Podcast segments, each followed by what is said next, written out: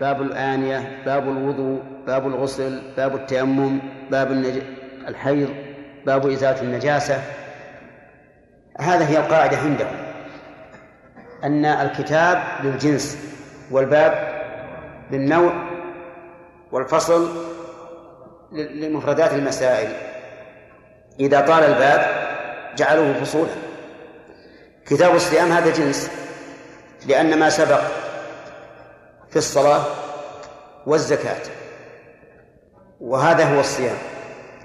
ورتب العلماء رحمهم الله الفقه في باب العبادات رتبوه على حسب حديث جبريل وعلى حسب حديث عبد الله بن عمر رضي الله عنهما في بعض ألفاظه. فقد فقدموا الصلاة ثم الزكاة ثم الصيام ثم الحج.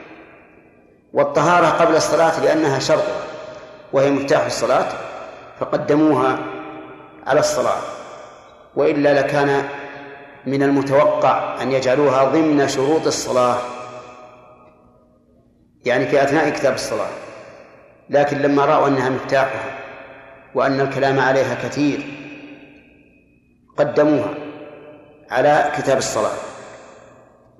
الصيام في اللغة في اللغة مصدر صام يصوم ومعناه أمسك فالإمساك في اللغة والصيام بمعنى واحد.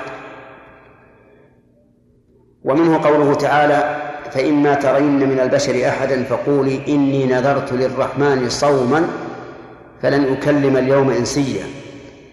صوما يعني إمساكا عن الكلام بدليل قوله فإما ترين من البشر أحدا يعني إذا ما رأيت إذا لم تري أحدا فقولي إني نذرت للرحمن صوما أي إمساكا عن الكلام فلن أكلم اليوم إنسيا. ومنه قوله صامت عليه الأرض. صامت عليه الأرض. إذا أمسكته وأخفته. أما في الشرع فهو التعبد لله سبحانه وتعالى بالإمساك عن الأكل والشرب وسائر وسائر المفطرات من طلوع الشمس من طلوع الفجر إلى غروب الشمس. التعبد لله بالإمساك عن الأكل والشرب وسائر المفطرات من طلوع الفجر إلى غروب الشمس. ويجب أن التفطن لإلحاق كلمة التعبد في التعريف. لأن كثيرا من الفقهاء لا يذكرونه بل يقول هو الإمساك عن المفطرات من كذا إلى كذا. في الصلاة يقولون الصلاة هي أقوال وأفعال معلومة ولكن ينبغي أن نزيد كلمة التعبد حتى لا تكون مجرد حركات. أو مجرد إمساك بل تكون عبادة التعبد لله عز وجل بالإمساك عن الأكل والشرب وسائر المفطرات من طلوع الفجر إلى غروب الشمس. وحكمه الوجوب بالنص والإجماع ومرتبته في الدين الإسلامي أنه أحد أركانه فله فهو ذو أهمية عظيمة. في مرتبته في الدين الإسلامي. ثم أعلم أن من حكمة الله عز وجل أن الله نوع العبادات في التكليف ليختبر المكلف كيف يكون امتثاله لهذه الأنواع. هل يمتثل ويقبل ما يوافق هواه وطبعه؟ أم يمتثل ما به رضا الله عز وجل. فإذا تأملنا العبادات الخمس الصلاة والصوم والزكاة والصوم والحج وجدنا أن بعضها بدني محض وبعضها مالي محض وبعضها مركب حتى يبتلى الشحيح من من الجواب. ربما يهون على بعض الناس أن يصلي ألف ركعة ولا يبذل درهما واحدا. أليس كذلك؟ نعم. وربما يهون على بعض الناس أن يبذل ألف درهم ولا يصلي ركعة واحدة. هكذا. فجاءت الشريعة بالتقسيم والتنويع. حتى يعرف من يمتثل تعبدا لله ومن يمتثل تبعا لهواه. فالصلاة مثلا عبادة بدنية محضة وما يجب لها مما يحتاج إلى المال كماء الوضوء الذي يشتريه الإنسان وثياب ستر العورة فهو تابع وليس داخلا في صلب العبادة. والزكاة مالية محض وما تحتاج إليه من عمل بدني كإحصاء المال وحسابه ونقل الزكاة إلى الفقير والمستحق. فهذا يعتبر تابعا لا ليس داخلا في صلب العبادة. والحج مركب مركب من مال وبدن. إلا في أهل مكة فقد لا يحتاج إلى المال لكن هذا شيء نادر بالنسبة أو قليل بالنسبة لغير أهل مكة. الجهاد في سبيل الله مركب من مال وبدن وربما يستقل بالمال وربما يستقل بالبدن. فالجهاد من من من حيث التركيب أعم العبادات لأنه قد يكون بالمال فقط وقد يكون بالبدن فقط وقد يكون بهما جميعا. ثم إن التكليف أو العبادات المكلف بها تتنوع من وجه آخر إلى كف إلى كف عن المحبوبات وإلى بذل للمحبوبات. وهذا نوع تكليف أيضا. كف عن المحبوبات مثل إيش؟ الصوم. بذل للمحبوبات كالزكاة. فإن المال محبوب إلى النفس. ولا يبذل المال المحبوب إلى النفس إلا لشيء أحب إليه منه. وكذلك الكف عن المحبوبات هو أيضا تكليف وربما يهون على المرء أن ينفق ألف درهم ولا يصوم يوما واحدا أو بالعكس. ومن ثم استحسن بعض العلماء استحسانا مبنيا على اجتهاد لكنه سيء حيث أفتى بعض الأمراء أن يصوم شهرين متتابعين بدلا عن عتق الرقبة في في الجماع في نهار رمضان. وقال إن ردع هذا الأمير بصيام شهرين متتابعين أبلغ من ردعه بإعتاق رقبة. لأنه ربما يعتق ألف رقبة ولا يهون عليه أن يصوم يوما واحدا. لكن هذا اجتهاد فاسد اجتهاد فاسد لأنه مقابل للنص ولأن المقصود بالكفارة ليس هو تعذيب الإنسان بل تطهير الإنسان وتطهيره بالاعتاق الذي الذي أخبر النبي عليه الصلاة والسلام أن من أعتق عبدا فإن الله يعتق منه كل عضو منه يعتق بكل عضو منه عضوا من النار فهو فكاك من النار فيكون أفضل وأعظم والمقصود بالكفارات هو التهذيب وإن كان فيها شيء من التأديب لكن أهم شيء هو التهذيب وتطهير المرء فالحاصل أنك إذا تأملت الشريعة الإسلامية والتكاليف الإلهية وجدتها في غاية الحكمة. والمطابقة والامتحان والاختبار. يقول المؤلف رحمه الله يجب صوم رمضان برؤية هلاله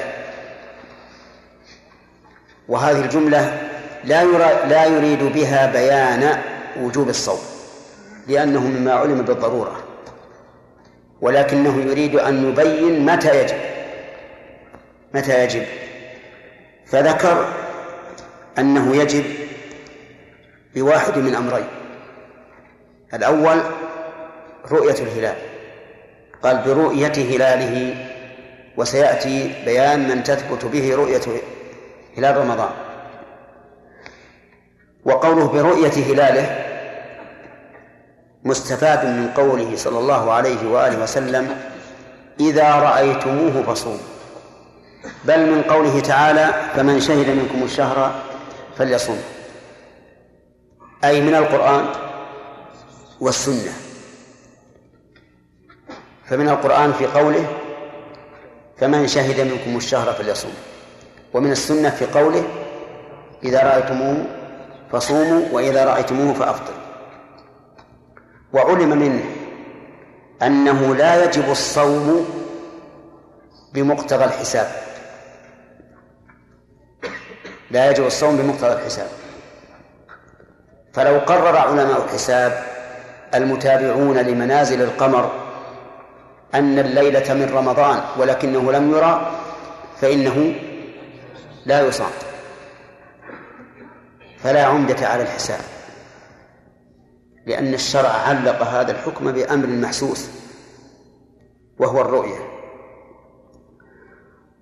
فإن لم يرى بقي الشيء الثاني مما يثبت به دخول رمضان إتمام شعبان ثلاثين يوما فإذا كان شعبان قد ثبت وتم ثلاثين يوما فإنه يجب صوم رمضان في اليوم الحادي والثلاثين. لأن الشهر الهلالي لا يمكن أن يزيد على ثلاثين يوما ولا يمكن أن ينقص عن تسعة وعشرين يوما فهو بين التسعة والعشرين والثلاثين. فإن لم يرى مع صحو ليلة الثلاثين أصبحوا مفطرين. إن لم يرى نائب الفاعل يعود على من؟ على الهلال. مع صحو أي صحو السماء بأن تكون خالية من الغيم وخالية من القطر خالية من الدخان خالية من الضباب من كل مانع يمنع الرؤية ليلة الثلاثين أي من شعبان أصبحوا مفطرين. حتى وإن كان قد هل في الواقع. ما دام لم يرى فإنه وإن كان في السماء وقد هل في الواقع فإنه يج... فإنهم يصبحون مفطرين. وفي هذه الحال لا يصومون يعني أصبحوا مفطرين إما وجوبا وإما استحبابا. لقول النبي صلى الله عليه وآله وسلم لا تقدموا رمضان بصوم يوم ولا يومين إلا رجل كان يصوم صوما فليصوم. وإن حال دونه غيم أو قتر فظاهر المذهب يجب صوم. حال دونه أي دون الهلال أي دون رؤيته. غيم أو قتر. الغيم معروف السحاب. والقتر التراب تحمله الرياح. وكذلك غيرهما مما يمنع الرؤية. فظاهر المذهب يجب صومه. هذه العبارة غريبة من المؤلف لأنه لم يرد لم يرد مثلها في هذا الكتاب. فظاهر المذهب. وكأن المؤلف رحمه الله يشير إلى أن في المذهب خلافا قويا على خلاف هذا القول. وسيأتي إن شاء الله. فظاهر المذهب يجب صومه يجب صومه وجوبا ظنيا احتياطا. ما هو قطعي؟ لماذا لا يكون قطعي؟ قطعيا؟ لأنه لم يرى. وإنما كان احتياطا. فالوجوب إذا مبني على الاجتهاد والظن لا على اليقين والقطع. فظاهر المذهب يجب صومه. لماذا؟ احتياطا. كيف يكون احتياطا؟ لاحتمال أن يكون الهلال قد هل ولكن لم يرى بواسطة الغيوم أو القطر أو الضباب أو ما أشبه ذلك. وحينئذ يكون للناس في ليلة الثلاثين حالان الحال الحال الأولى وجوب الصوم والثانية الفطر. متى يكون الفطر؟ إذا كانت السماء صاحية. ويكون الصوم إذا كان عليها غيم أو قتر أو نحوهما. فظاهر المذهب يجب صومه. وهذا هو المشهور من المذهب المعتمد عند المتأخرين. حتى قال بعضهم إن نصوص أحمد الإمام أحمد رحمه الله تدل عليه أي على الوجوب. واستدلوا كما قلت لكم بأن هذا من باب إيش؟ من باب الاحتياط. وبأن ابن عمر رضي الله عنهما كان إذا كان ليلة الثلاثين من شعبان وفيه غيم أو قطر. أرسل من من ينظر إلى الهلال. فإن رآه وإلا أصبح صائما. أصبح هو بنفسه صائما. ولا يأمر أهله بالصيام. لكن لورعه وشدة تحريه رضي الله عنه كان يصبح صائما. إلا أننا نعلم أنه لا يرى الوجوب لأنه لم لم يأمر بذلك أهله. فصار الفقهاء رحمهم الله استدلوا لوجوب الصوم بنظر وأثر. النظر الاحتياط لاحتمال أن يكون الهلال قد هل ولكن منعه هذا الحاجب. والأثر أثر ابن عمر رضي الله عنه. ولننظر إلى هذا هذا الاستدلال هل هو صحيح أو لا؟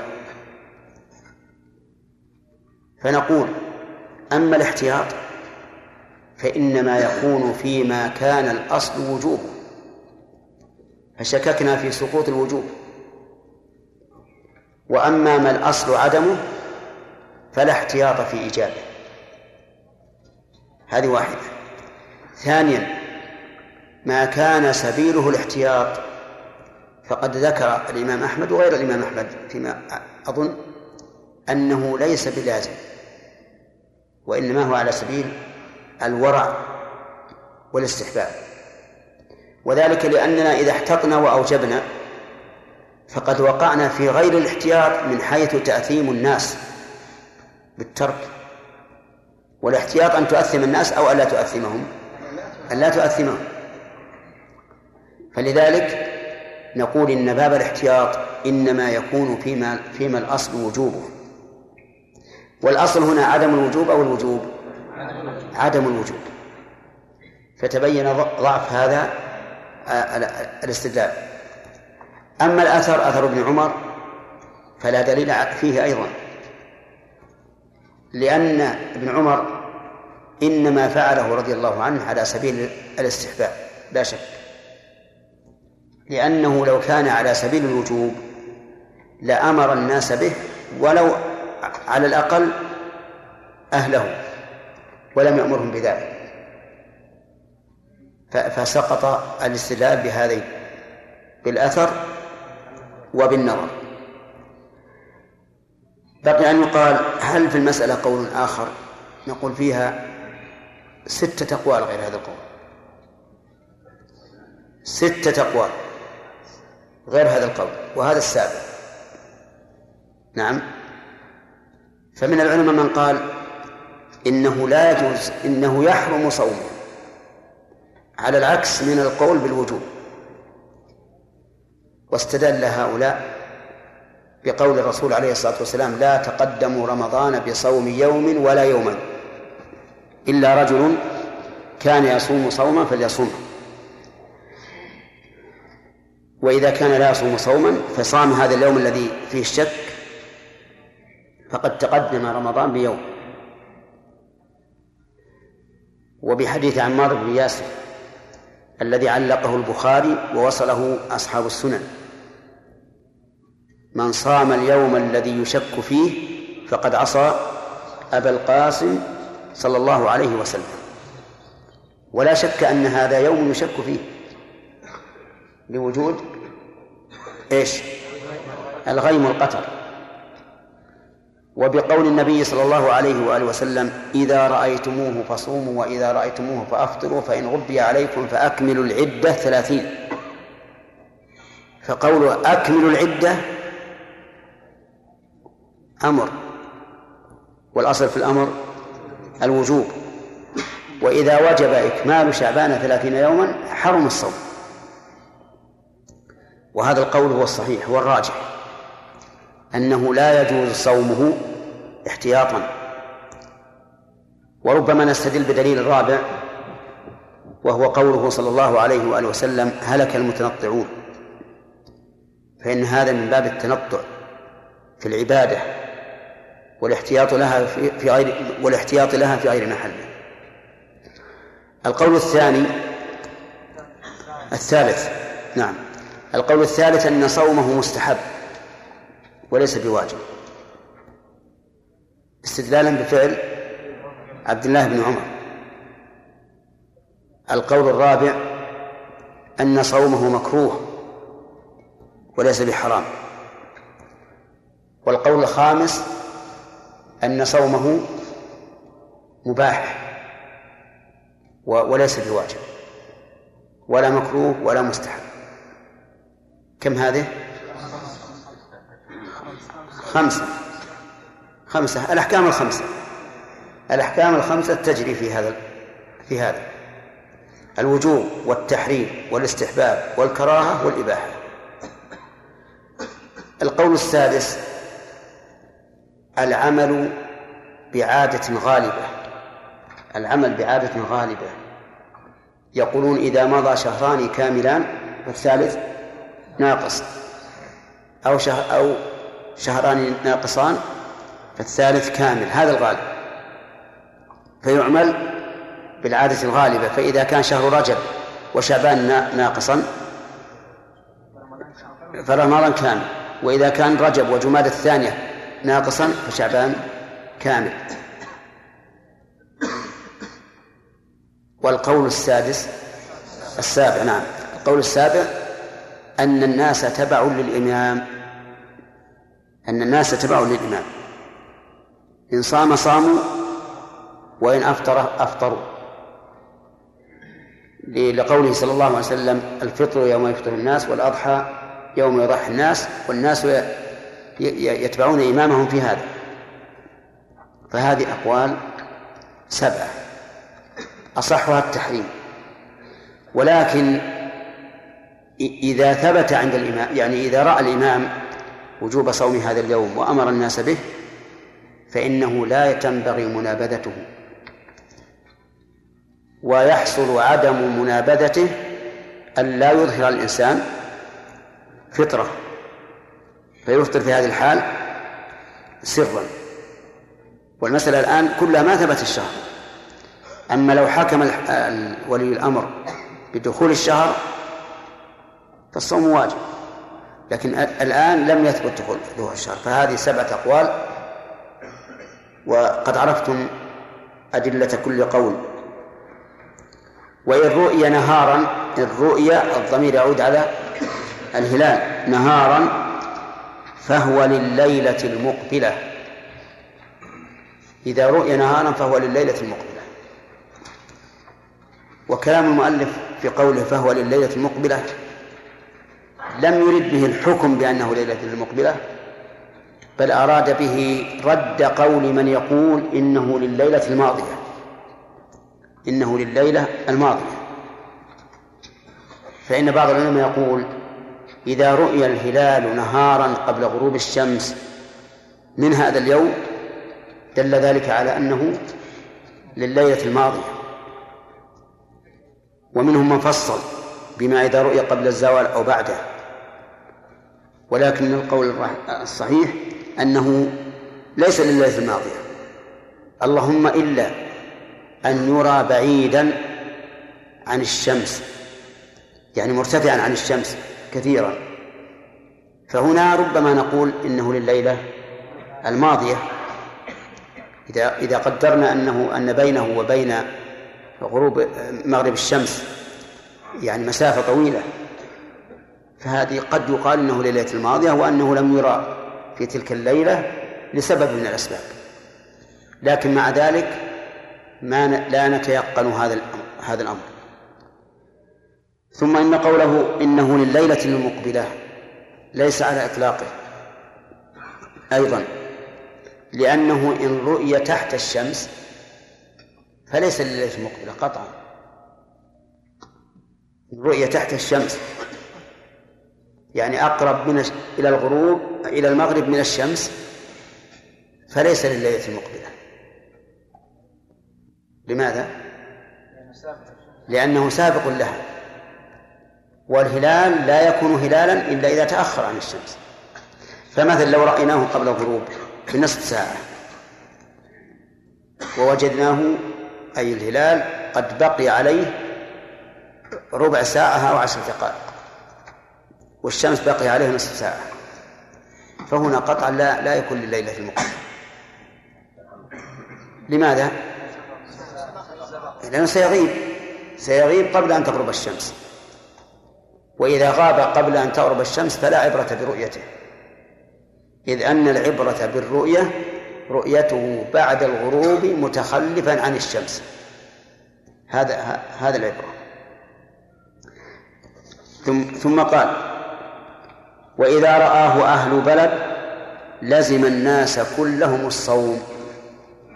إذا رآه أي الهلال. أهل بلد لزم الناس كلهم الصوم. والمراد بالأهل هنا ما من تثبت به رؤيته فهو عام أريد به الخاص. فليس المراد به أن جميع أهل البلد من صغير وكبير وذكر وأنثى يراه. المراد إذا ثبتت رؤيته بمكان من بلاد المسلمين لزم الناس كلهم الصوم في مشارق الأرض ومغاربها وشمالها وجنوبها.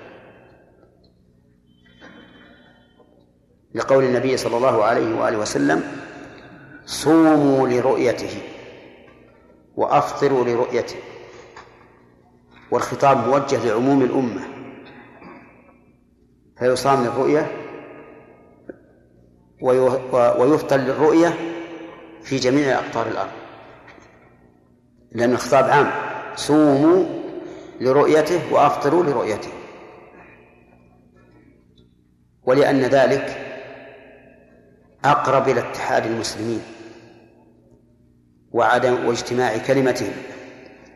وعدم التفرق بينهم بحيث يكون هؤلاء صائمين وهؤلاء مفطرين هؤلاء معيدين وهؤلاء صائمين ففيه تفريق للأمة. وإذا اجتمعوا فصار يوم صومهم واحدا ويوم فطرهم واحدا كان هذا أقوى في الاتحاد واجتماع الكلمة. ففيه إذن دليل أثري ودليل نظري معنوي الأثري قوله صوم لرؤيته وأفطر لرؤيته والنظري أن فيه اجتماع كلمة المسلمين واتحادهم. وهذا أمر ينظر إليه الشرع. نظر اعتبار. وبناء وعلى هذا فإذا ثبتت رؤيته في أقصى المغرب بل في أمريكا وجب على أهل الصين أن يصوم مع تباعد ما بين المطالع. فإن مطالع الهلال في في, في أمريكا ومطالعه في الشرق في أقصى الشرق متباعدة جدا لكن مع ذلك يجب الصوم لما سمعتم من من الدليل الأثري والدليل النظري. وقال بعض أهل العلم لا يجب إلا على من رآه أو كان في حكمه. من رآه أو كان في حكمهم ومن هو الذي في حكمهم؟ من وافقت مطالع الهلال عنده مطالع الهلال عند من رآه. فإذا اتفقت المطالع فإنه يجب الصوم. وإذا اختلفت لم يجب. قال شيخ الإسلام رحمه الله تختلف مطالع الهلال باتفاق أهل المعرفة أي معرفة بالفلك وجريان الشمس والقمر فإن اتفقت لزم الصوم وإلا فلا. إن اتفقت لزم الصوم وإلا فلا. وهذا القول أقوى من الأول وأصح. لدلالة الأثر والنظر الصحيح عليه. أما الأثر فلقوله تعالى فمن شهد منكم الشهر فليصم من شهد منكم الشهر. والقوم الآخرون الذين لا يوافقون من شهده في المطالع لا يقال إنهم شهدوه لا حقيقة ولا حكما. والله عز وجل إنما أوصى إنما أوجب الصوم على من شهده. ولقول النبي صلى الله عليه وسلم صوموا لرؤيته وأفطروا لرؤيته. فعلل الأمر بالصوم بالرؤية. ومن يخالف من رآه في المطالع لا يقال إنه رآه لا حقيقة ولا حكما. وأما القياس فإن التوقيت الشهري. نعم فإن التوقيت اليومي يختلف فيه المسلمون بالنص بالنص والإجماع. توقيت اليوم إمساكا وإفطارا يختلف فيه المسلمون بالنص والإجماع. فإذا طلع الفجر في المشرق فهل يلزم أهل المغرب أن يمسكوا؟ كيف؟ كلوا واشربوا. الخطاب للأمة. حتى يتبين لكم الخيط الأبيض من الخيط الأسود من الفجر. تبين لنا في المشرق. يقول لأهل المغرب نعم أمسكوا. طيب غابت الشمس في المشرق وأهل المغرب صائمون. والوقت عندهم أول النهار. نقول غربت الشمس فأفطروا. طيب ليش ما نقول؟ أليس إذا دخل هلال شوال ورؤي هلال شوال وهو هلال وهو وقت الفطر؟ على هذا القول اللي هو المذهب يفطر الناس جميعا. وإذا دخل رمضان وإذا رؤي هلال رمضان أمسك الناس جميعا. يعني صاموا. أليس كذلك؟ إذا ما الفرق؟ الخطاب واحد موجه للعموم. معلق بالرؤية. الخطاب واحد موجه, موجه للعموم معلق بطلوع الفجر وبغروب الشمس. إذن القياس الصحيح أنه كما يختلف المسلمون في في الإمساك والإفطار اليومي يجب أن يختلفوا كذلك في الإمساك والإفطار الشهري. إذا اختلفت إذا اختلفت المطالب وبناء على هذا القول لو رآه أهل المش لو رآه أهل المغرب أي الهلال ولم يره أهل المشرق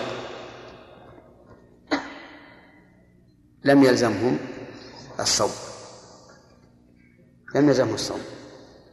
ولو رآه أهل المشرق ولم يره أهل المغرب لزمهم الصوم. كيف ما يصير نعم هو حقيقة ما يصير. متى رآه أهل المشرق والخط واحد فلا بد أن يراه أهل المشرق. أهل المغرب لا بد أن يراه أهل المغرب.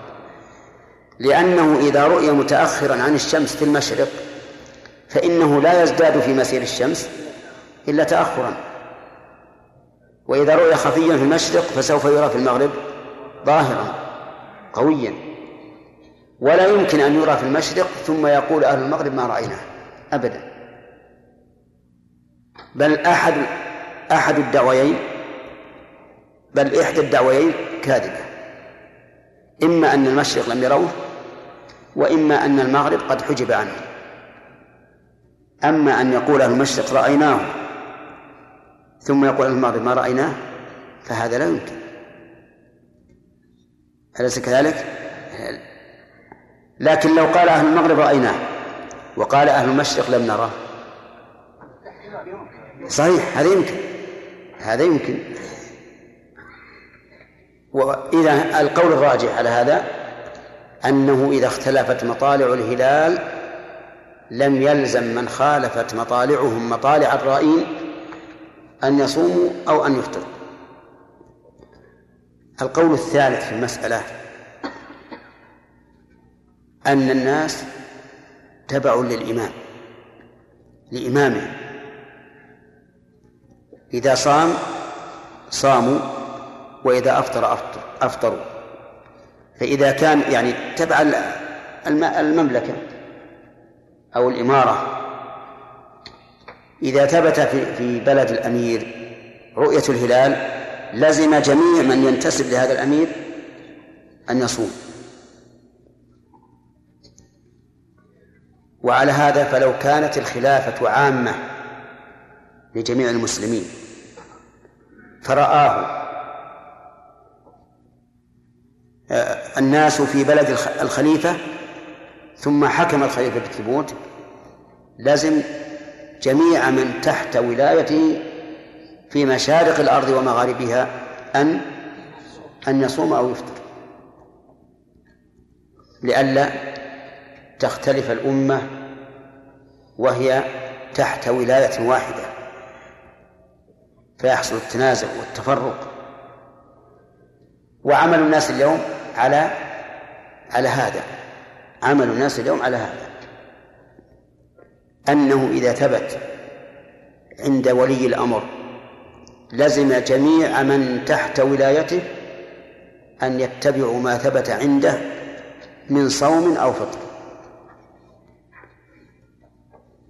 وهذا من الناحية الاجتماعية قول قوي وحتى لو صححنا القول القول الثاني الذي نحكم فيه باختلاف المطالع فينبغي لمن رأى أن المسألة مبنية على اختلاف المطالع أن لا يظهر مخالفة لما كان عليه الناس. ألا يظهر مخالفة لما كان عليه الناس. لأن الصوم يوم يصوم الناس والفطر يوم يفطر الناس.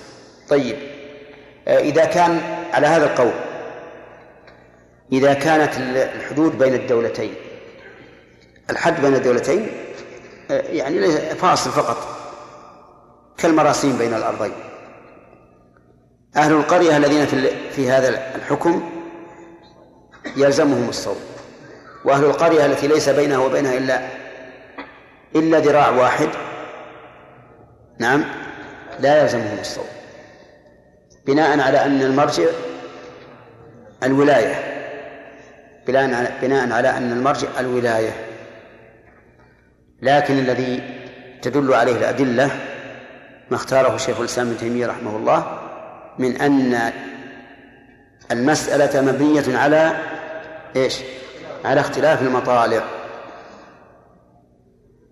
وذهب بعض أهل العلم ولا سيما المتأخرون إلى أنه إذا كان يمكن إلى أنه يلزم حكم الرؤية كل من أمكن وصول الخبر إليه في الليلة.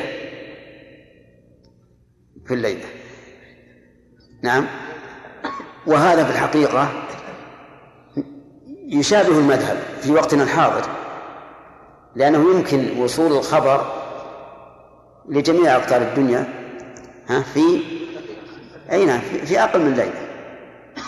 هذا القول في الحقيقة إنما يختلف عن المذهب فيما لو كانت وسائل الاتصالات مفقودة.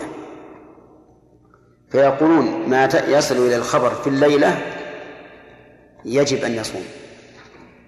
وما لا يصل الخبر إليه إلا إلا إلا بعد يوم لا يجب. فالآن على باعتبار المواصلات والاتصالات يمكن أن يصل الخبر. نعم؟ في دقيقة. نعم؟ في دقيقة. إذا أعلن مثلا في, في, في, في الإذاعة هنا في, في المملكة يسمع الإذاعة هل في المملكة؟ والذي في في خارج المملكة. كل من يصل إلى صوت الإذاعة. قال وإن رؤي نهارا؟ لا. وإذا رآه أهل بلد لزم الناس كلهم الصوم. أو لزم الناس كلهم الصوم. هل الناس يلزمون الصوم ولا الصوم يلزمهم؟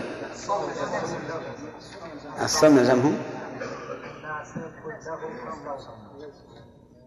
لكن من لازم هل الناس يلزمون الصوم ولا الصوم يلزمهم آه. أي الصوم يلزمهم صحيح كما نقول يجب الصوم يعني يلزم الصوم نعم وإذا قال قائل يا شيخ وهذا القياس قياس رؤية رؤية الهلال على على الإمساك والإفطار غير صحيح. نعم. يعني في في المملكة العربية السعودية مثلا في هذه نعم. عشر أوقات للإمساك والإفطار. يعني في ستة ونصف في ستة ونصف دقيقة إلى عشر دقائق. نعم. مع أنه رمضان كيوم واحد. عمل الناس الآن مبني على القول بأن بأن الناس تبعوا للإمام في مسألة دخول الشهر وخروجه لا هذا بالإجماع ذا بالإجماع. تختلف. يرى في الم... قد يرى في المغرب ولا يرى في المشرق. وقد يرى في الشمال ولا يرى في الجنوب. لأن القمر دائما متأخر عن الشمس. دائما متأخر عن الشمس. قال الله تعالى والشمس وضحاها والقمر إذا تلاها. بعض العلماء يقول المعنى الشمس وضحاها هذا أول النهار والقمر إذا تلاها هذا أول الشهر. لأنه في أول الشهر يتلوها. لكن الواقع أن أن القمر دائما يتلو الشمس. دائما متأخر عنها. صح؟ القمر دائما متأخر عن الشمس. صحيح؟ أي لكن قد يقول قائل في آخر الشهر. القمر يطلع قبل الشمس. ها؟ نقول هذا هذا هو بسبب تأخره طلع قبلها لأنه كل يوم متأخر كل يوم متأخر. نعم. نعم. نعم.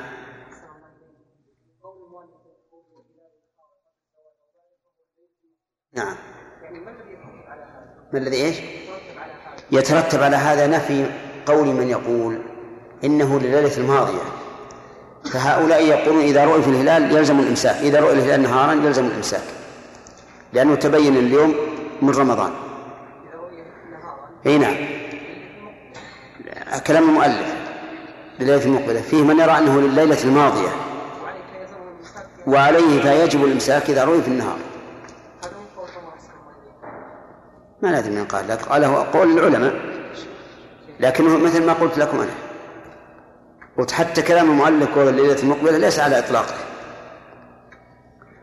نعم. نعم.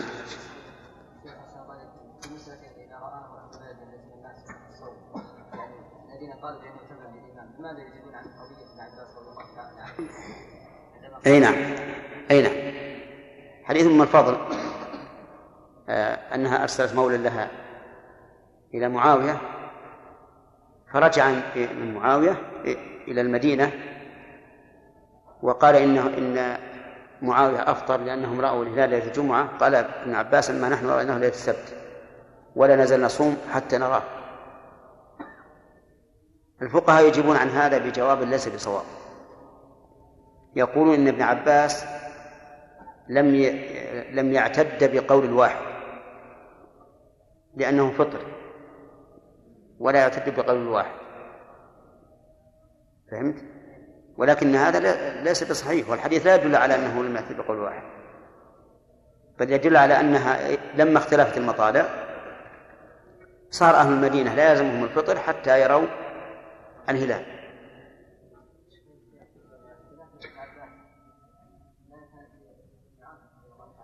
نعم. لكن معاوية لا يخالف ابن عباس في هذا. لا يخالفه في هذا لأنه يوافقه لعلمه وفقهه.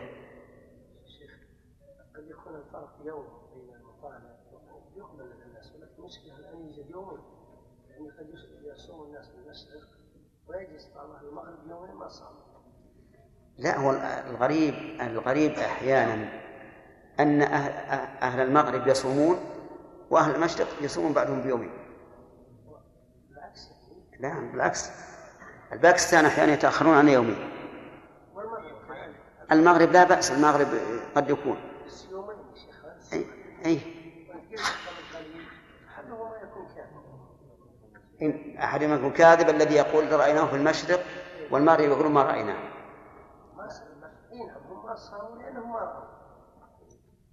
إذا قال أهل المشرق رأيناه وقال أهل المغرب لم نراه فأحدهما كاذب. لا هذا هو. ما هو بالعكس هذا الصواب. بس هذا الواقع. لأنه إذا رؤي في المشرق لا بد أن يرى في المغرب. لا بد لأنه إذا كان متأخرا عن الشمس في المشرق فلا يمكن أن يقفز ويروح قدامها. فلا يرى. ولهذا تذكرون قبل ثلاث سنوات أننا أفطرنا وكسفت الشمس بعد غروبها. كسفت الشمس بعد الغروب. وصار في ضجة كبيرة بها. كسفت الشمس بعد الغروب. وصار في ضجة كبيرة. قالوا إفطار السعودية خطأ. لماذا؟ لأن كسوف الشمس سببه أن القمر يحول بينها وبين الأرض. وهذا يقتضي أنها حين غابت عنا غابت بعد القمر.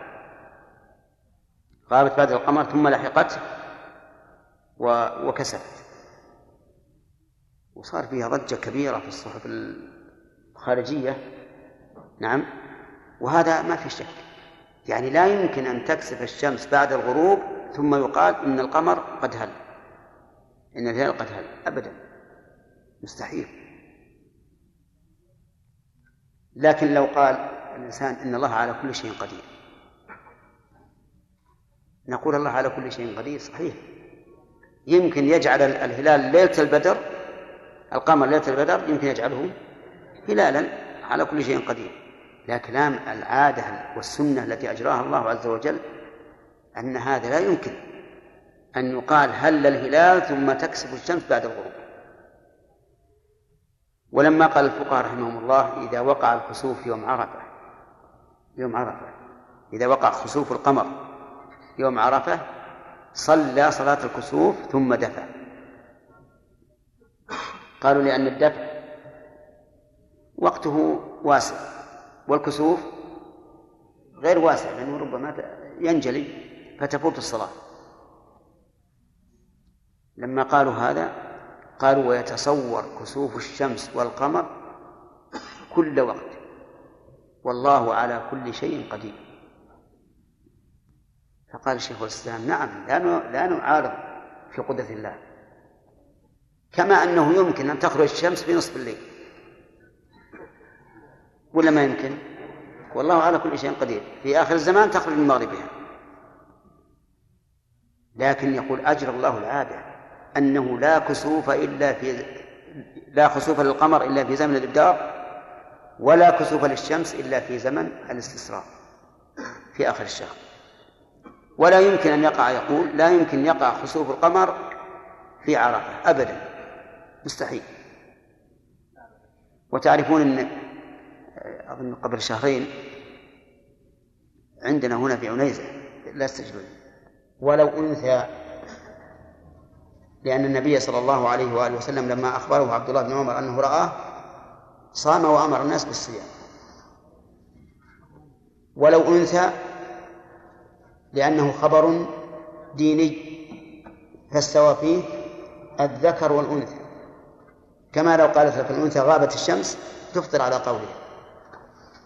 طيب إذا رآه نعم على المذهب يصام بأمر ثالث. يصام بأمر ثالث وهو إذا كان ليلة الثلاثين إذا كان في ليلة الثلاثين من شعبان غيم أو قتر فإنه يجب أن يصام. وعليه فيكون صيام رمضان يثبت بواحد من أمور ثلاثة رؤية هلاله إكمال شعبان ثلاثين أن يكون ليلة الثلاثين من شعبان بينه وبين أن يحول بينه وبين أن يحول ليلة الثلاثين من شعبان بين أو دون رؤيته غيم أو قتل. طيب. والصحيح في الثانية في الثالثة الصحيح أنه لا يجب صومه بل لا يجوز صومه لأنه اليوم الذي يشك فيه. طيب.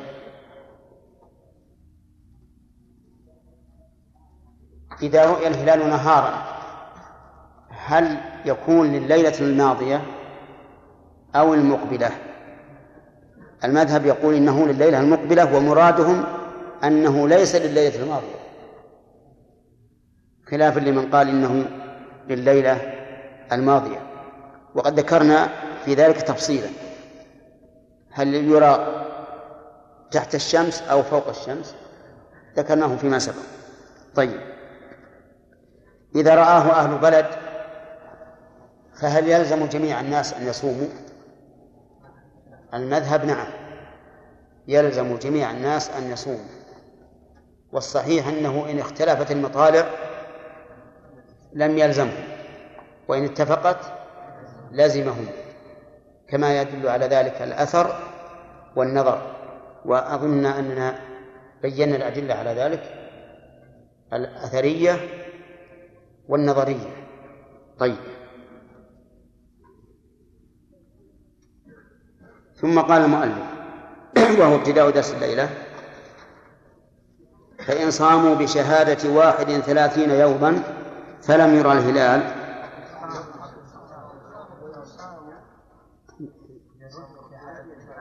الله طيب. ما في ما في ما في بأس. هذا إفزاع ما شاء الله. كل الدنيا قامت. طيب. يقول ويصام برؤية عدل ولو أنثى. يصام نائب الفاعل يعود إلى رمضان. أي يصوم الناس على التفصيل السابق. يصام برؤية عدل ولو أنثى. وبعضهم يعبر برؤية ثقة. وهو أعم برؤية عدل. من العدل؟ العدل في اللغة المستقيم. ضد المعوج. وفي الشرع من لم يفعل كبيرة من قام بالواجب ولم يفعل كبيرة ولم يصر على صغيرة هذا العدل. انتبه. من قام بالواجب يعني أدى الفرائض كالصلوات الخمس ولم يفعل كبيرة ولم يصر على صغيرة. وحينئذ نحتاج في هذا التعريف إلى معرفة ما هي الكبائر. لأن الكبيرة بمجرد ما يفعله الإنسان يخرج عن العدالة ما لم يتب. والصغيرة لا يخرج بمجرد فعلها ما لم يصر عليها. طيب فما فما هي الكبيرة؟ من الكبائر النميمة. من الكبائر النميمة. وهي نقل كلام الناس بعضهم ببعض من لقصد الإفساد بينهم. فيأتي إلى شخص ويقول قال فيك فلان كذا وكذا. مما يؤدي إلى العداوة والبغضاء. هذه النميمة. وقد ثبت عن النبي صلى الله عليه وآله وسلم أنه قال لا يدخل الجنة قتات. أي نمام. وثبت عنه أنه كشف له عن رجل يعذب في قبره بالنميمة كما في حديث ابن عباس رضي الله عنهما. أن النبي صلى الله عليه وسلم مر بقبرين فقال إنهما لا يعذبان وما يعذبان في كبير. أما أحدهما فكان لا يستنزه من البول وأما الآخر فكان يمشي بالنميمة. فإذا نم الإنسان مرة واحدة ولم يتب فليس بعدل من الكبائر أيضا الغيبة وهي ذكرك أخاك بما يكره من عيب خلقي. أو خلقي أو ديني هذه الغيبة. خلقي كأن تقول هذا الرجل أعور. نعم هذا أنفه مائل هذا فمه واسع وما أشبه ذلك. هذا عيب خلق خلقي مثل أن تقول هذا أحمق سريع الغضب عصبي وما أشبه ذلك.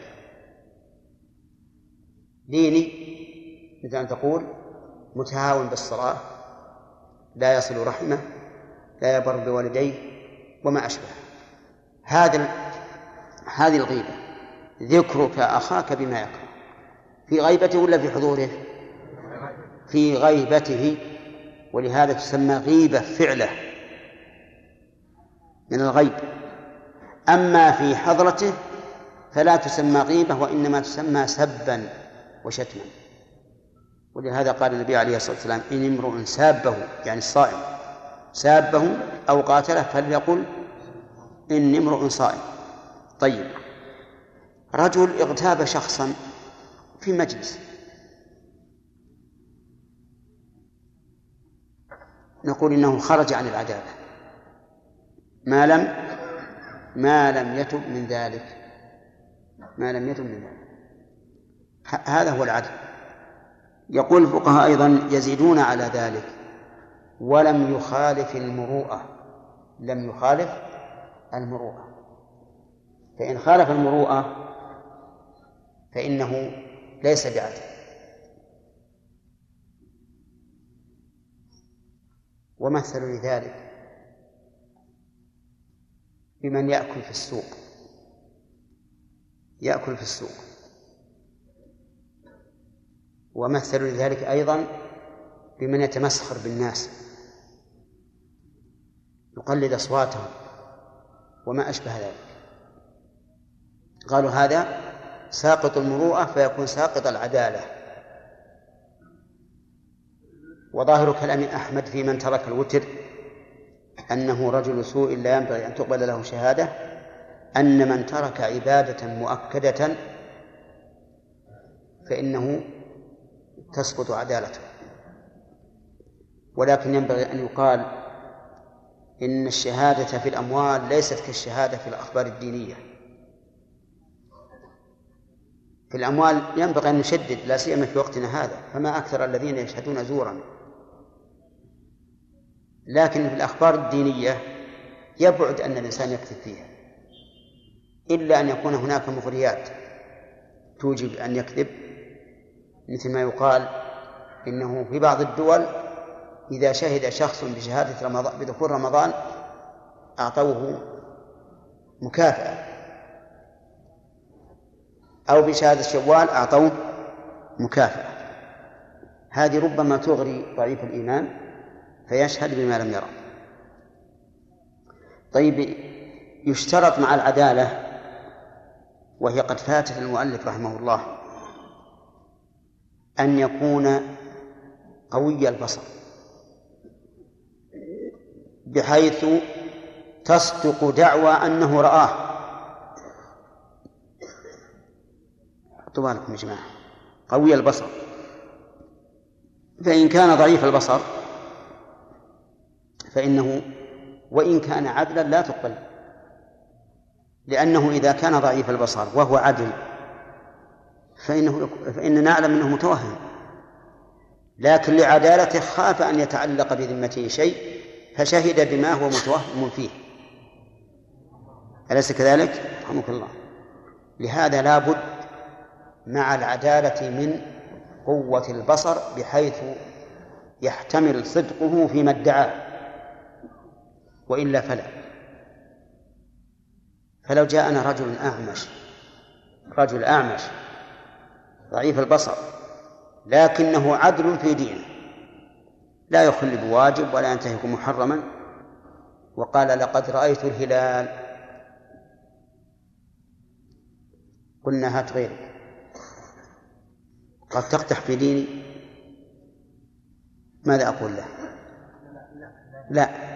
إذا صوم الناس خف ربك يقول للقاضي خف الله. فيقول له أنا أشك في إدراكك لهذا أقدح في رؤيتك ولا مانع وإن شاء أن يختبره اختبره. فيضع له علامة في الجدار يكون بينه وبينه كما بيني وبين الجدار. كم أرى؟ ثلاثة متر. علامة كبيرة علامة استفهام. يقول ما هذه؟ فيقول هذا رقم تسعة. نعم. أه هل يكون هذا ثقة؟ لا ما هو ما هو ثقة. فلا نقبله وإن كان عدلا في دينه. وعندنا وعندنا في ذلك دليل من القرآن. وهو أن الله عز وجل جعل القوة والأمانة من مسوغات إجراء ما يترتب على العمل. ففي قصة آه، موسى مع صاحب مدين قال قالت إحدى ابنتا إحدى ابنتيه يا أبت استأجره إن خير من استأجرت القوي الأمين. وقال العفريت من الجن الذي التزم أن يأتي بعرش بعرش ملكة سبأ قال وإني عليه لقوي أمين. فهذان الوصفان ركنان في كل عمل ومنها الشهادة. طيب إذن نقول برؤية عدل فات المؤلف أن أن يقول قوي البصر. لكن لو أراد شخص أن يعتذر عن المؤلف ويقول إن العدل إذا كان ضعيف البصر فلا يمكن أن يشهد بما لم يرى ما تقولون؟ نقول لا هذا ليس بعذر لأن العدل إذا توهم وتخيل أنه رأى الهلال فسوف يصر على أنه رآه لما عنده من الدين. الذي يرى أنه من الواجب عليه أن يبلغ لأجل أن يصوم الناس أو يفطر الناس. فلا بد من من إضافة طويل البصر. طيب قال ولو أنثى. ولو أنثى. قوله ولو ما في سؤال يا أخي. السؤال بعد بعد الانتهاء. ولو أنثى. لو غالبا ما تأتي إشارة للخلاف. والمسألة كذلك في هذه في هذا. قوله ولو أنثى إشارة خلاف. فإن بعض العلماء يقول الأنثى لا تقبل شهادتها في رؤية الهلال. لا ش... لا رمضان ولا ولا غيره. لأن الذي رأى الهلال في عهد الرسول صلى الله عليه وسلم رجل. فلا يقبل إلا الرجال. ولأن النبي صلى الله عليه وآله وسلم قال فإن شهد شاهدان فصوموا وأفطروا. شاهدان. والمرأة شاهدة وليست شاهد شاهدا ولكن الفقهاء رحمهم الله فقهاء المذهب يقولون إن هذا خبر ديني. يستوي فيه الذكور والإناث كما استوت الذكور والإناث في الشهادة في في الرواية في الرواية والرواية خبر ديني. فكذلك آه، الخبر برؤية الهلال ولهذا لم يشترطوا لرؤية هلال رمضان لم يشترطوا ثبوت ذلك عند الحاكم ولا لفظ الشهادة. بل قالوا لو سمع شخصا ثقة يقول يحدث الناس في مجلسه إنه رأى الهلال فإنه يلزمه أن يصوم بخبره. وهذه المسألة تحتاج إلى إلى إلى تحرير يعني كون الإنسان إذا سمع شخصا يخبر بأنه رأى الهلال رأى هلال رمضان فإنه يلزمه الصوم.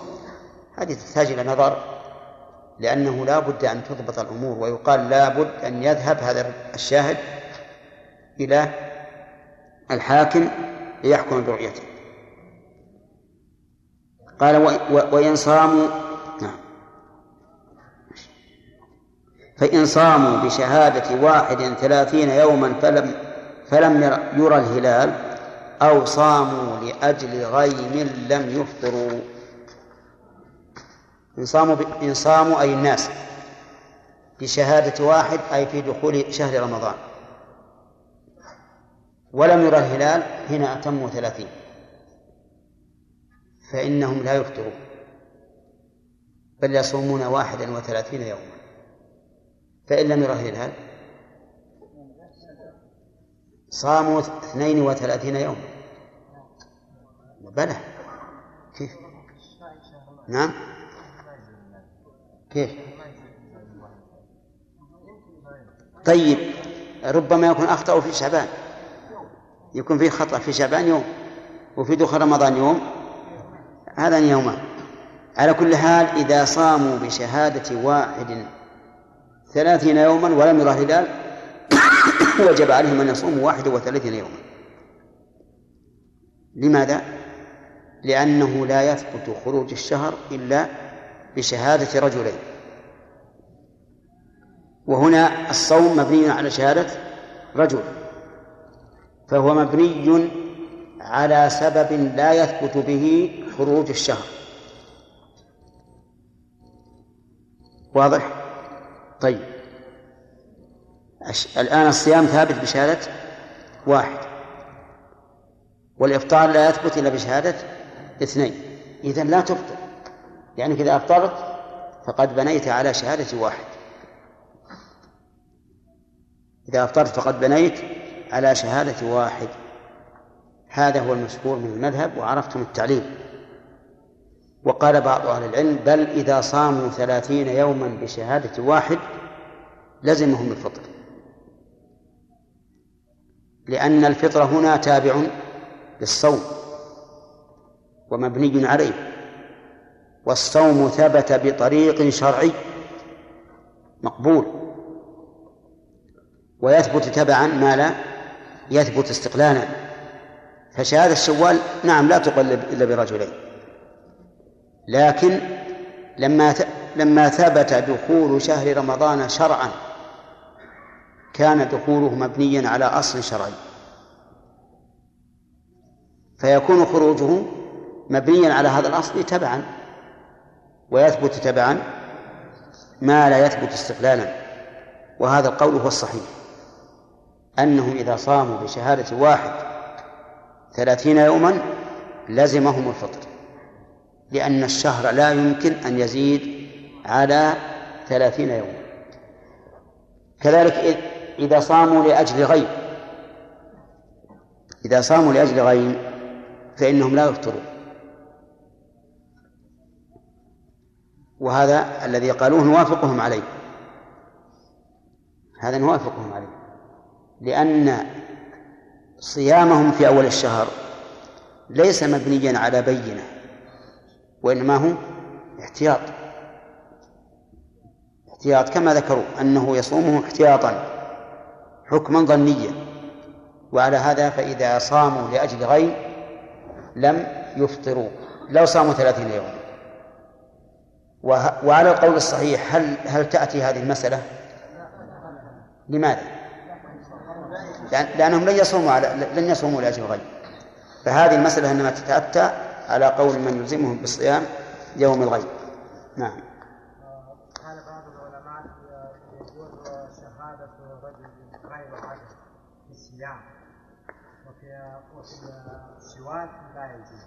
لأجل إيش؟ لأن هذا الرجل غير عدل عنده تهاون في الواجبات. وإذا قال هو إني رأى فتعين من باب الأولى إيه.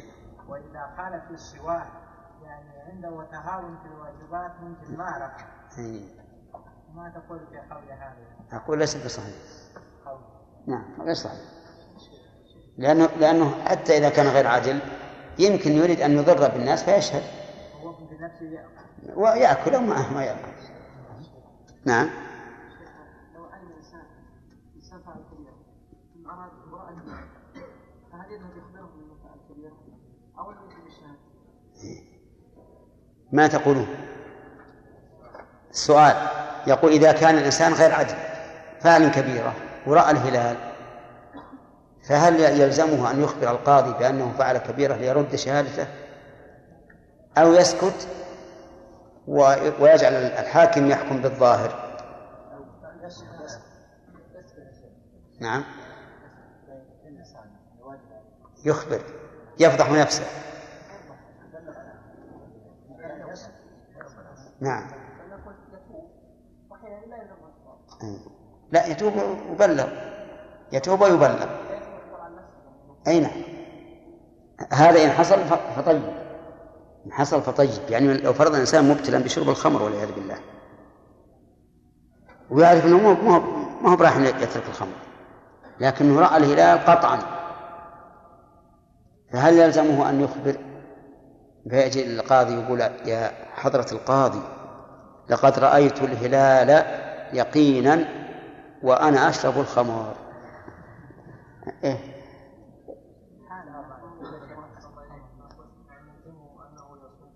ها؟ إيه ما يخالف هو يمكن يصوم لكن الكلام على أنه هل يشهد عند القاضي ولا لا؟ لا هو نعم إن أخبر القاضي ما هو قابل شهادة لكن هل يلزمه أن يخبر أو يقول أنا تيقنت الآن إني رأيت الهلال هو إذا حصل اللي قال خالد أن يتوب إلى الله ويخبر هذا هو الواجب.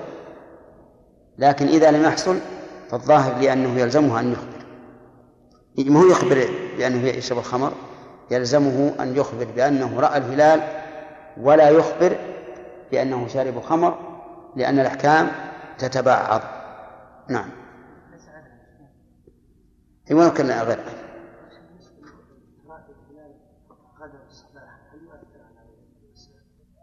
لا. يقول ترائي الهلال في الصباح يوم الثلاثين أو التاسع والعشرين. هل يؤثر؟ يعني هل نستفيد؟ لا ما نس... لا نستفيد منه من حيث ثبوت دخول الشهر. لكن نستفيد منه من حيث أنه يقرب أن يرى الليلة أو لا يرى. فمثلا إذا رؤي رفيعا فهذا يبعد أن يرى لكن إذا لم يرى فإن الناس يزداد تحريهم له بعد الغروب. نعم.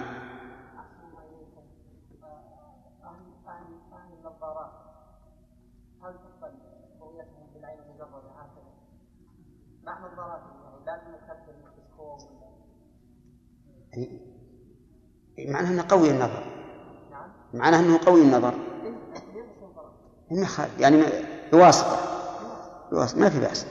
أنا أذكر لما كان ما في أنوار كهرباء كان الناس يصعدون على المناير ومعهم مكبر النظر.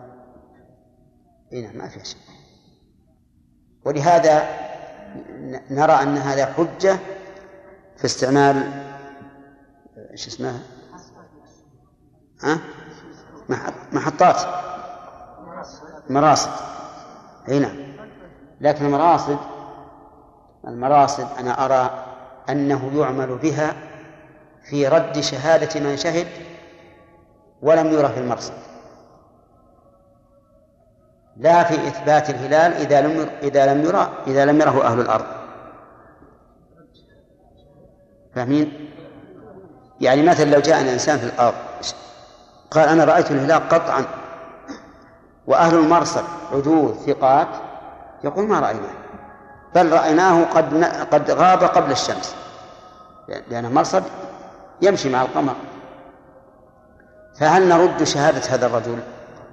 نعم. أنا أرى أنه يجب أن ترد. نعم يجب أن ترد لأنه كذب الواقع.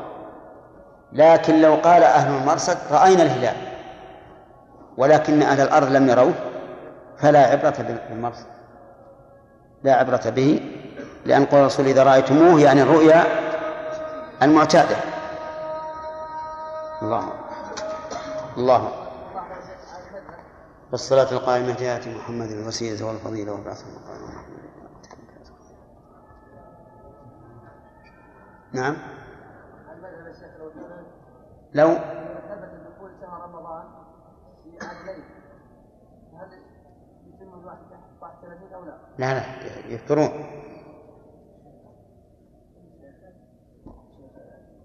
الذين قالوا انه اذا ظهر الهلال في بلد ولم يظهر الآخر لم يلزم الذين قالوا لم لم يلزمهم الصوم نعم. واستدلوا بال- بالليل والنهار ان يكون أهل البلد صائمون نعم. هؤلاء صائمون نعم.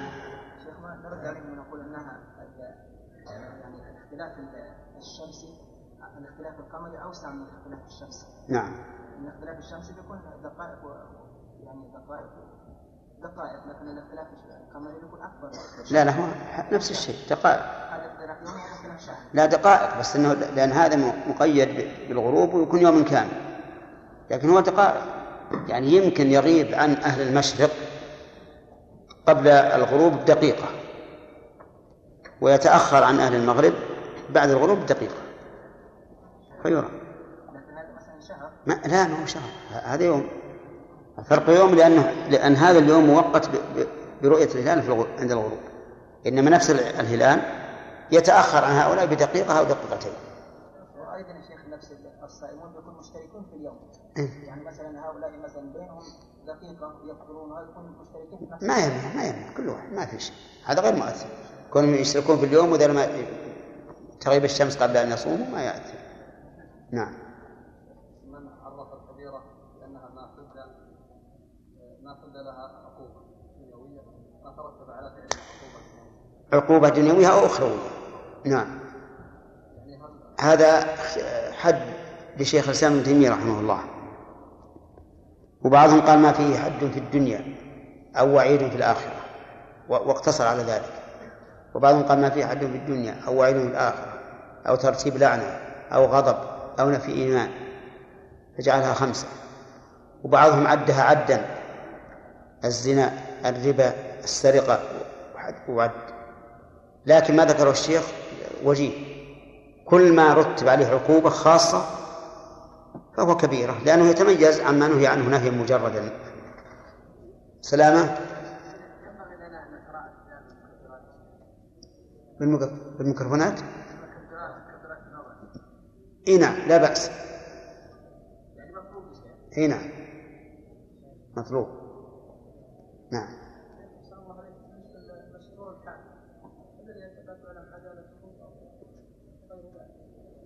المذهب لا يقبلون مسطور الحال.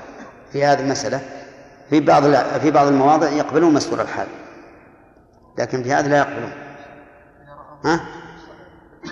والله اللي يظهر لي ان إن القاضي إذا وثق بالرجل إذا وثق بالرجل ما يحتاج البحث عن عدالته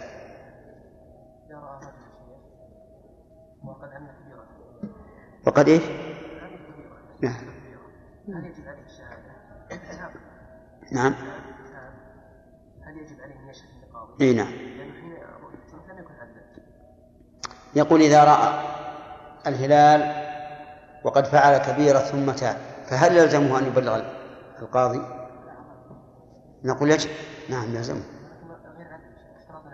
العدالة عند الأداء. لا لا ما هو عند التحمل. عند الأداء. ولهذا لو شهد الفاسق لو تحمل الشهادة وهو فاسق ثم أداها وهو عدل قبل بل لو تحمل الشهادة وهو كافر كافر مرة. ثم أسلم فإنه يقبل. نعم. ناصر. أي هذا المشكلة.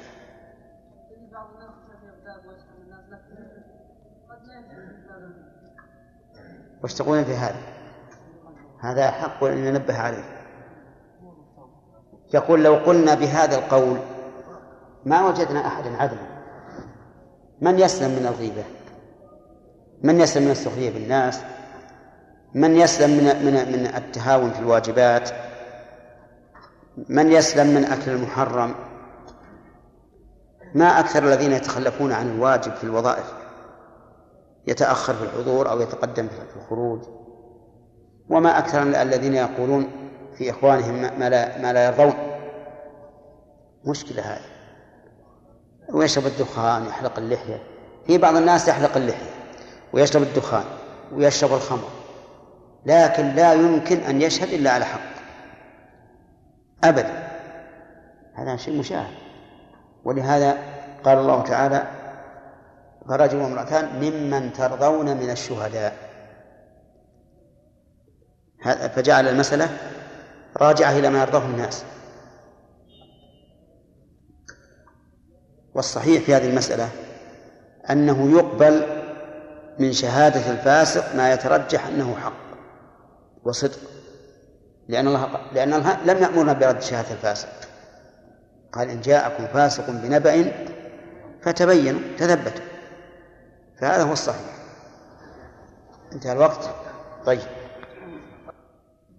لله رب العالمين وأصلي وأسلم على أشرف الأنبياء والمرسلين نبينا محمد وعلى آله وصحبه أجمعين.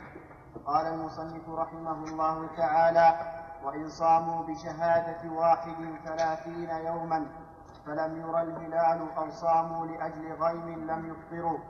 ومن رأى وحده هلال رمضان ورد قوله أو رأى هلال شوال صام ويلزم الصوم لكل مسلم مكلف قادر. وإذا قامت البينة في أثناء النهار وجب الإمساك وجب الإمساك والقضاء على كل من صار في أثنائه أهلا لوجوبه. وكذا حائض ونفساء طهرتا. ومسافر قدم مفطرا. بسم الله الرحمن الرحيم الحمد لله رب العالمين. والصلاة والسلام على نبينا محمد وعلى آله وأصحابه أجمعين. سبق أن الناس يلزمهم الصوم على المشهور من المذهب بواحد من أمور ثلاثة.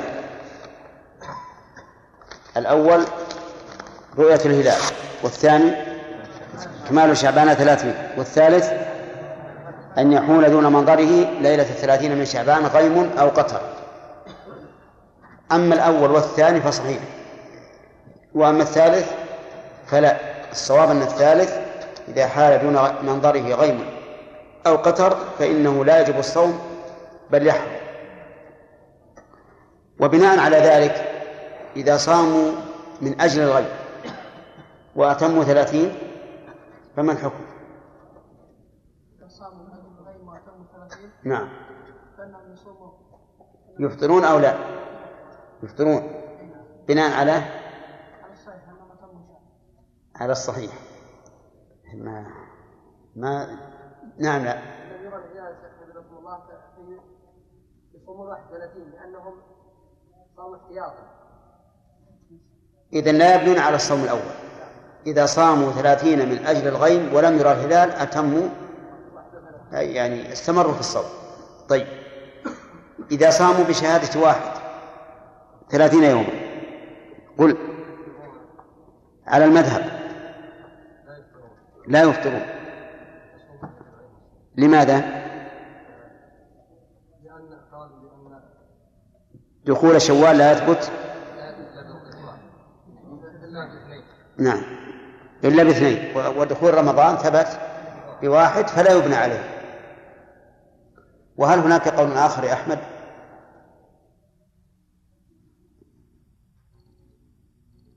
قل. ماذا سامي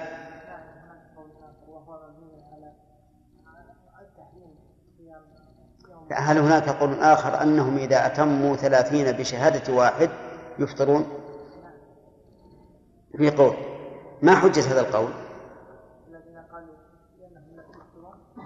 هنا لأنهم يفطرون. الذين قالوا لا يفطرون عرفنا من, من, من كلام الأخ نعم. ودخول رمضان ثابت شرعا؟ نعم. تمام. صحيح. وهذا القول هو الصحيح. ثم انتقل المؤلف إلى مسألة أخرى مهمة. ومن رأى وحده هلال رمضان ورد قوله. ومن رأى وحده هلال رمضان ورد قوله. وحده أي منفردا عن الناس.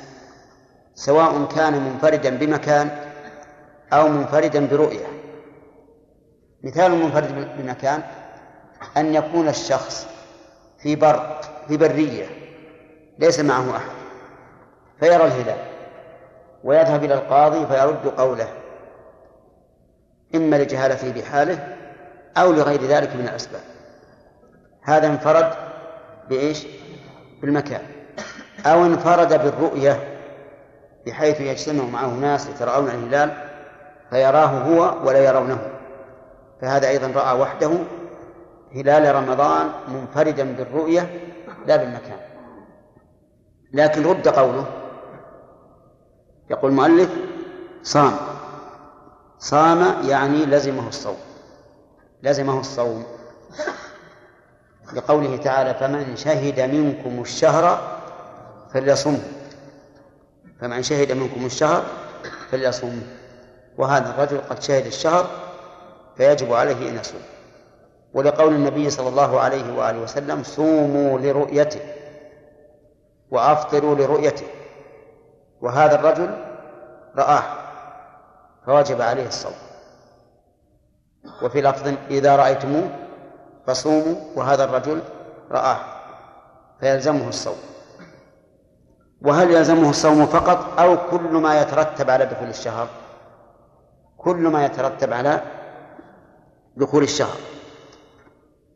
لأنه رآه. فيلزمه الصوم. المسألة الثانية أو رأى هلال شوال يعني وحده. إذا رأى هلال شوال فإنه يصوم. أو رأى هلال شوال صام. عندكم صام. وحده. رأى هلال شوال فإنه يصوم. والفرق بينهما أن هلال شوال لا يثبت إلا بشاهدين لا يثبت شرعا إلا بشاهدين. وهنا لم يشهد به إلا واحد فلا يكون داخلا فلا يكون داخلا شرعا. فيلزمه الصوم. مع أنه رآه رأى الهلال بعينه وتأكد نقول يلزمه الصوم. والتعليل لأنه لا يثبت دخول شوال إلا بشاهدين وإذا شهد واحد لم يثبت دخوله شرعا. وقال بعض العلماء بل يجب عليه الفطر سرا إذا رأى وحده هلال شوال. يجب عليه أن يفطر سرا. لماذا؟ لقول النبي صلى الله عليه وآله وسلم إذا رأيتموه فصوموا وإذا رأيتموه فأفطروا وهذا الرجل قد رآه. ولقول صوموا لرؤيته وأفطروا لرؤيته وهذا الرجل قد رآه. فيلزمه الفطر. ولكن يلزمه ذلك سرا لئلا يعلن مخالفة الجماعة. لئلا يعلن مخالفة الجماعة. واختار الشيخ الإسلام رحمه الله في هاتين المسألتين أنه يتبع الناس وأنه لو رأى وحده هلال رمضان لم يلزمه الصوم لأن الهلال ما هل واستهل واشتهر لا ما لا ما رؤي. وعلى هذا على رأي الشيخ رحمه الله يلزم هذا الرجل أن يصوم كما قال المؤلف لكن كلامنا أن يريد على رأي الشيخ فيما